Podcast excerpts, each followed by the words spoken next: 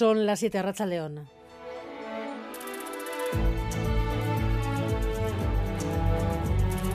Gambara con Arancha García. Y lo primero nos vamos al exterior del Buesa Arena previa del Vasconia contra el Maccabi de Tel Aviv. La afición vasconista nunca ha tenido mucha simpatía por el equipo israelí, pero hoy quiere aprovechar este partido para clamar contra la invasión de Gaza y no a Iglesia Racha León a Rata León Bay desde los exteriores del Bues Arena, donde ya se encuentra el Maccabi, los jugadores del equipo israelí que han llegado hace unos 10 minutos en un autobús del Vasconia que cede el vehículo. Han entrado escoltados, pero sin ningún tipo de incidente. Y es que hasta ahora la verdad es que hay muy pocos aficionados. Por ahora, como decimos, sí que hay presencia policial, importante presencia policial. Hasta siete furgones de la Erchancha hemos contabilizado. Hay expectación hoy, más allá de lo deportivo, por ese llamamiento a no entrar al Buesa hasta cinco minutos después de comenzado el partido entre Vasconia y Maccabi, es decir, a las 8 y 35, también a exhibir banderas palestinas y a gritar la palabra genocidio cada vez que los jugadores del Maccabi estén en posesión del balón.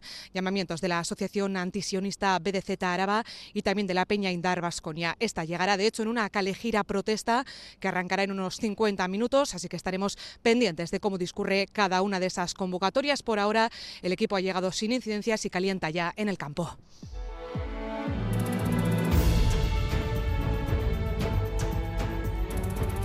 En Tolosa se han presentado tres denuncias más contra el osteópata que presuntamente agredió sexualmente a otras tres pacientes. Se investiga si hay más casos. El juez ordenó su libertad con cargos tras tomarle declaración hace unos días. Hoy, por cierto, el Parlamento ha pedido al Gobierno vasco que incluya la educación sexual en las escuelas. Los jóvenes y los expertos llevan tiempo advirtiendo de este déficit. Por ejemplo, en el instituto sí que nos podríamos haber informado, se nos podrían haber regulado más clases de sexo y yo creo que no se ha dado la importancia que se debería dar. Yo creo que es muy importante que se, se hable mucho más de este tema, eh, más que de una manera opcional, que sean más eh, cosas obligatorias que se, se, implementen desde, pues, igual, de la educación. Yo, personalmente, la única charla de educación sexual que he recibido fue en cuarto de la ESO. Para ser la primera me parece muy tarde. David Beramendi, ¿por qué recomiendan los expertos una educación sexual reglada? Pues porque falta información, eso es lo que les falta a nuestros jóvenes. Hemos hablado con dos sexólogas, María Rodríguez y Juncal Martínez de las Heras, y las dos coinciden, la educación sexual es fundamental. No podemos dejar la sexualidad en un cajón. Que debería estar desde edades bastante tempranas. No es simplemente hablar de prácticas sexuales. La falta de conocimiento sobre el propio cuerpo. No podemos hablar de menstruación cuando las chicas ya están menstruando. Les preocupa eh, la presión que sienten para tener que mantener relaciones sexuales. Si la información que ofrece la pornografía la entendemos como real, pues imagínate, ¿no? A los profesores este mensaje, que se quiten el miedo y que se formen, y a las familias, que esto también va con Las tractoradas se extienden por Europa y los sindicatos de baserritarras preparan movilizaciones para el viernes 9 de febrero. En Bruselas, cientos de tractores han bloqueado los accesos a la ciudad durante todo el día. Piden cambios en la política agraria, protección frente a las importaciones extracomunitarias y ayudas también para afrontar la sequía Maya-Portugal. Cientos de tractores han dejado imágenes espectaculares con largas colas en las calles que van del Parlamento al Consejo, pero han estado parados durante todo el día y quitando algunos fuegos y una estatua dañada delante de la plaza de la Eurocámara ha sido una protesta pacífica que no ha hecho más que paralizar el tráfico en el barrio europeo y lo que buscaban, que era colarse en la agenda de la cumbre de los jefes de gobierno de los 27. El problema principal es que después de los años 90, ben, les orientations ultraliberales han placé la agricultura europea sur un e dei contributi della Comunità Europea che aiutano. Como la cumbre ha acabado pronto, la presidenta de la Comisión, Ursula von der Leyen, y los primeros ministros de Bélgica y Países Bajos, Alexander De Croo y Mark Rutte, se han reunido después con los agricultores. Von der Leyen promete una propuesta para agilizar la burocracia que presentará este mes. En pocas horas arranca la campaña electoral en Galicia, la más abierta en cuatro legislaturas, tal vez la más decisiva para un PP que quiere convertirlas en la segunda vuelta Feijóo Sánchez. Nerea Sarriguis, nuestra enviada especial a atzalde nerea.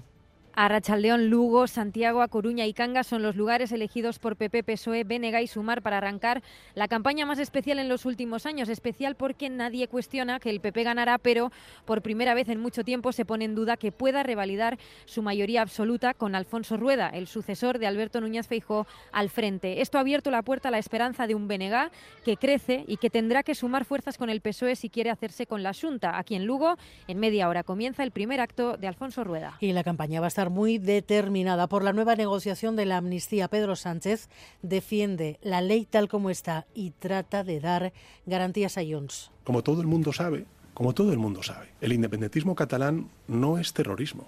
No lo es. Y por tanto, con este proyecto de ley yo estoy convencido, y así al final lo van a concluir los tribunales, que van a estar todos los independentistas catalanes amnistiados, porque no son terroristas. Edu García, Rachaldeón. ¿Qué tal, Rachaldeón? Bueno, pues hemos empezado hablando de ese Basconia Maccabi, supongo que uno de los platos fuertes de, del día de hoy. Y además es un partido muy importante porque hay muy poca diferencia, tan solo un partido de distancia. Entremos en la clasificación de la Euroliga. Basconia viene de perder sus últimos dos encuentros ante el Valencia Basket y ante el Bayern. Es el segundo que juega esta semana después de caer en Alemania, eh, en Múnich el pasado martes, así que es muy importante ganar para igualar a los israelíes y para con ello meterse de nuevo entre los 10 primeros de la clasificación, aunque no va a ser sencillo por eh, la dificultad del propio equipo y por lo ambiental, que seguro va a pesar mucho hoy en el Bues Arena. El otro frente informativo, el mercado de fichajes de fútbol que se cierra esta noche, ahora mismo con Osasuna muy activo, porque se va a hacer oficial eh, de aquí a poquito, a las 12 tiene que ser definitivo, con lo cual va a ser casi inmediato la marcha del Chimi Ávila al Betis. Finalmente se va a llegar al acuerdo, se ha alcanzado ya, de hecho, y solo falta que se redacte la documentación para que el delantero argentino abandone Iruña con rumbo a Sevilla. Y puede que no sea el único, porque también Darko Brasanac eh, tiene también, está en la rampa de salida, en su caso hacia el Leganés, iría como cedido al equipo que ahora mismo es el líder de la segunda división. Más complicado, ya casi descartado parece que Luis Rioja pueda moverse del Deportivo a la vez con rumbo también al Betis. Hoy ha entrado con normalidad y en principio se va a quedar en Gasteiz por lo menos hasta que acabe la actual temporada.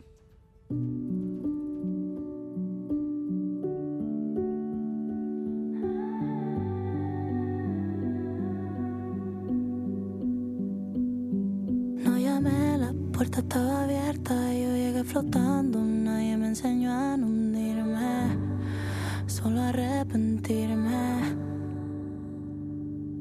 de que siempre todo disfruten, pero sigo sola. Si Nuestra contra hoy para la crónica de un desahucio por una multa de 88 euros a la comunidad. John Fernández Mor. Hace poco más de dos meses, el 22 de noviembre, en esta contra de Gambara les contábamos el caso de Blanca, una anciana de 78 años del barrio del Gothic de Barcelona, cuyo desahucio entonces logró frenar la movilización ciudadana.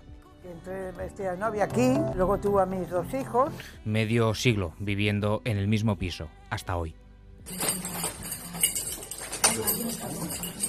Esta mañana ha cerrado su puerta por última vez Blanca. Ha sido desahuciada. La razón, una deuda de 88 euros años atrás por unas obras que ella siempre ha considerado que estaban mal ejecutadas. El pequeño importe quedó impagado y la propiedad acudió a la justicia. Un tribunal entonces liquidó su contrato de renta antigua por el que pagaba 300 euros al mes. En noviembre les contábamos que la propiedad accedía por primera vez a negociar un pago de cuotas a precio de mercado. El ayuntamiento proponía otorgar a Blanca una ayuda de emergencia social pero a la dueña del inmueble no le ha servido, no ha sido suficiente. Ha exigido un aval que el consistorio, según dice, no puede poner. Y así las cosas, Blancas se ha visto obligada hoy a marcharse de su vivienda y de su barrio.